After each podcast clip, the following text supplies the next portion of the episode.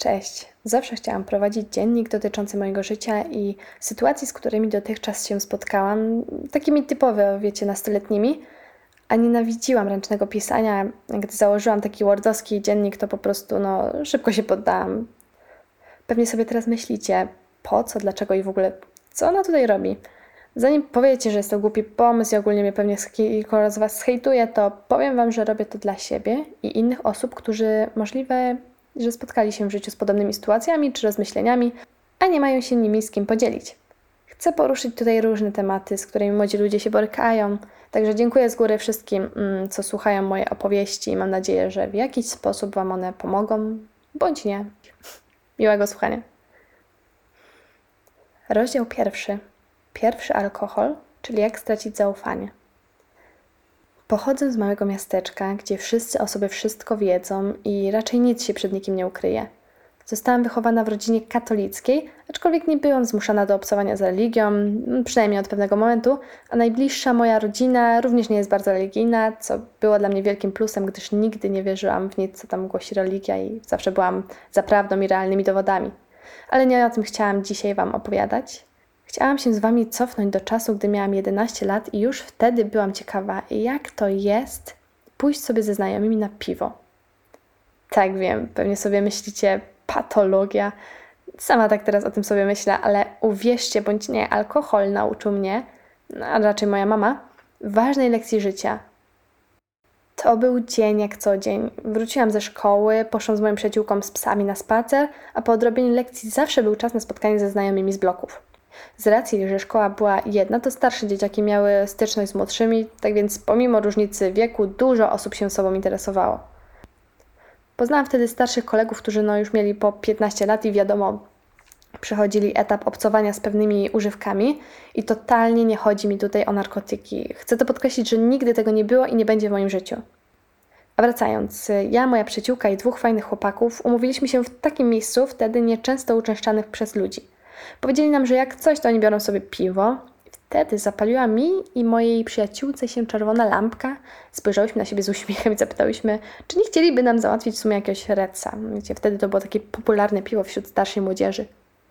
Ze zdziwieniem, ale się zgodzili i ogarnęli dla nas jedno piwo smakowe.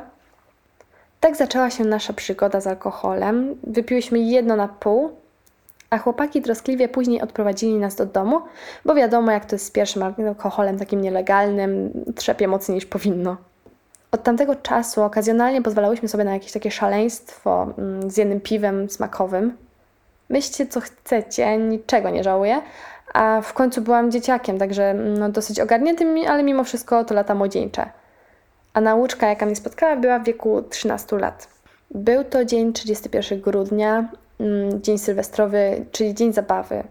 Moja mama bezproblemowo się zgodziła, żebym poszła do koleżanki na noc. Nigdy się o to nie martwiła, gdyż poprzednie dni sylwestrowe spędzałam z przyjaciółką. Miała do mnie ogromne zaufanie i wiedziała, że nie jestem głupim dzieckiem, więc jakby coś się działo, to zawsze do niej mogę zadzwonić i wszystko powiem. Jednakże pierwszy sylwester to był, który mm, spędzałam osobno z moją przyjaciółką, czyli taką moją opoką rozsądku. Zwykle byłyśmy razem. Dostałam zaproszenie od koleżanki z klasy na posiadówkę u niej w domu, gdyż jej rodzice wyjechali do znajomych i jej dużo starszy brat robił imprezę. Podkreślam, że nie mieliśmy zamiaru brać udziału w tej imprezie, a zrobić swoją własną w pokoju. Tak więc ja, ona i jeszcze jedna koleżanka wyłączyłyśmy szybkich wściekłych w telewizji, otworzyłyśmy swoje recy i plotkowałyśmy. Co jakiś czas zaglądał do nas jej brat, ale tak czysto z ciekawości. W pewnym momencie dostałam telefon mojego przyjaciela, że mają wódkę i czy mogą do nas wpaść.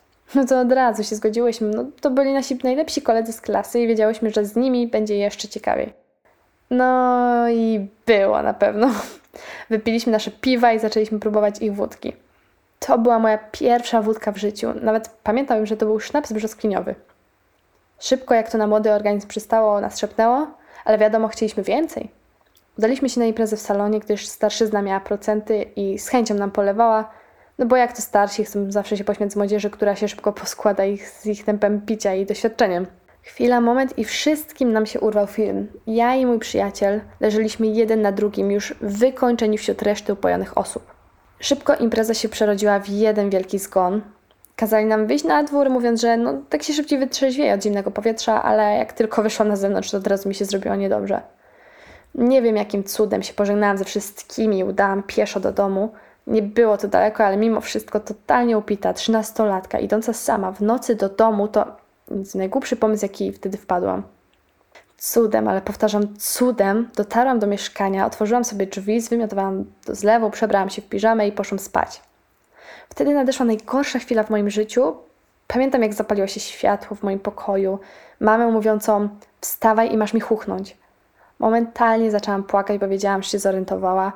Nigdy w życiu nie widziałam jej, w sumie wtedy też to widziałam, ale w takim stanie rozścieczenia. Kazała mi ubrać kurtkę, wziąć torbę, która miała w sobie dużo rzeczy i ważyła dobre 10 kilo i poszliśmy do dziadków. Chciała, żeby moi dziadkowie zobaczyli, do jakiego stanu się doprowadziłam i zareagowali w jakiś sposób.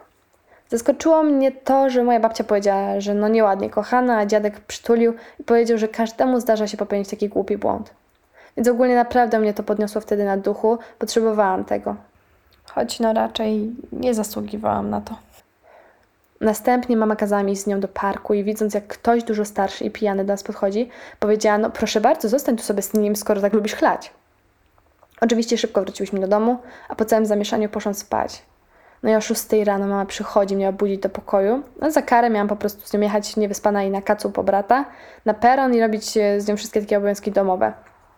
Pewnie myślicie sobie, co to za kara, ale to nie wszystko, bo ja nie uważam tego za karę. Najgorsze było to, jak straciłam jej zaufanie. Jest ona kobietą, która dawała mi i mojemu rodzeństwu dużo przestrzeni, ale przy tym była ogromnie opiekuńcza, szczera i kochana. To, co zrobiłam, nadszerpało naszą silną więź i długo i bardzo długo pracowałam nad tym, aby to zaufanie odzyskać. Nigdy przedtem żadne z mojego rodzeństwa nie zrobiło nic tak karygodnego, stąd też taka, a nie inna reakcja mojej mamy. No, po prostu nie wiedziała, co robić. A no, do czego dąży moja historia? Ano do tego, że takim moim szczenięcym zachowaniem straciłam w mgnieniu oka to, co się liczyło dla mnie ponad życie, a do tego długo ciążyło na mnie piętno tej dziewczynki, która jest degeneratem w rodzinie. Nauczyło mnie to bardzo wiele. Przede wszystkim wbrew pozorom umocniło to z czasem odzyskane zaufanie mamy, a dodatkowo myślę, że nie byłabym tym, kim jestem, gdyby nie znalazła się w takiej sytuacji, bo nie byłabym świadoma tego, jak ważne jest zaufanie i szczerość w rodzinie. Prawda, wybaczenie i zaufanie to jest coś, czym każdy z nas powinien umieć się posługiwać. Oczywiście nie żałuję tego, co zrobiłam, gdyż nigdy w życiu pewnie bym nie doceniała tych wartości, gdyby nie popełnienie przeze mnie tak dużego błędu. W przyszłości każdy z nas popełni ich wiele, ale nie powinniśmy się poddawać, gdy coś faktycznie bardzo spieprzymy, tylko nauczyć się na tym złym doświadczeniu. Niektóre z nich będą nas dużo kosztowały, ale dzięki ciężkiej pracy i upływającemu czasowi wszystko naprawimy. No bo w końcu w sumie trzeba dojść do wniosku, że życie staje się piękniejsze, gdy uczymy się na swoich błędach. Dzięki wielkie za wysłuchanie mojego paplania. Mam nadzieję, że Wam się podobało. Jeżeli nie, no to trudno, ale będę dawała dalej jakieś historie, także jeżeli jesteście zainteresowani, no to śledźcie dalej jakby te opowieści. Jeżeli nie, no to to nie. Tyle. Dzięki Wam wielkie i dobranoc czy miłego dnia.